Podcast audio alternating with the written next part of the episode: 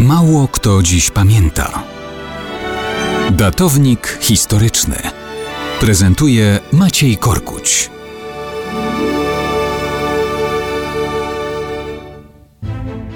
Mało kto dziś pamięta, że 4 września 1939 roku zebrał się brytyjski gabinet wojenny.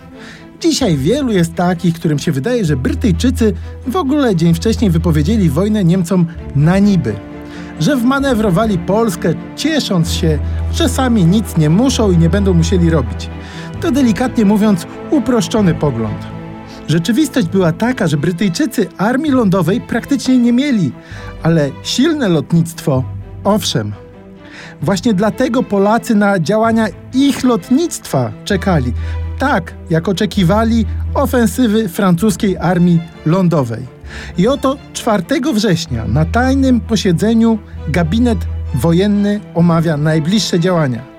Szef sztabu sił powietrznych komunikuje, że Francuzi nalegają, aby oszczędzać potencjał brytyjskiego lotnictwa, tak aby silnie współdziałało ono z francuskimi działaniami operacyjnymi na lądzie.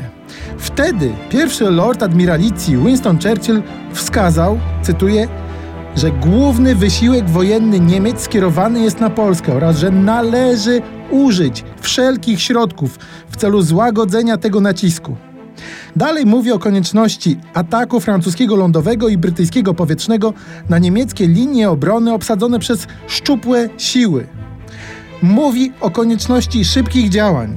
W protokole jest twierdzenie, że cytuję, zgodnie uznano, że sojuszniczy plan operacji przeciwko Niemcom w celu złagodzenia nacisku na Polskę jest żywotną koniecznością. I tak Brytyjczycy postanowili niezwłocznie nawiązać kontakt z dowództwem francuskim, aby potwierdzić ich gotowość wspólnych działań operacyjnych w ramach skoordynowanego planu. Polska na to właśnie czekała.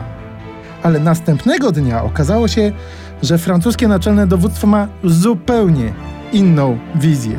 I tak naprawdę to nad Sekwaną los Polski został przesądzony.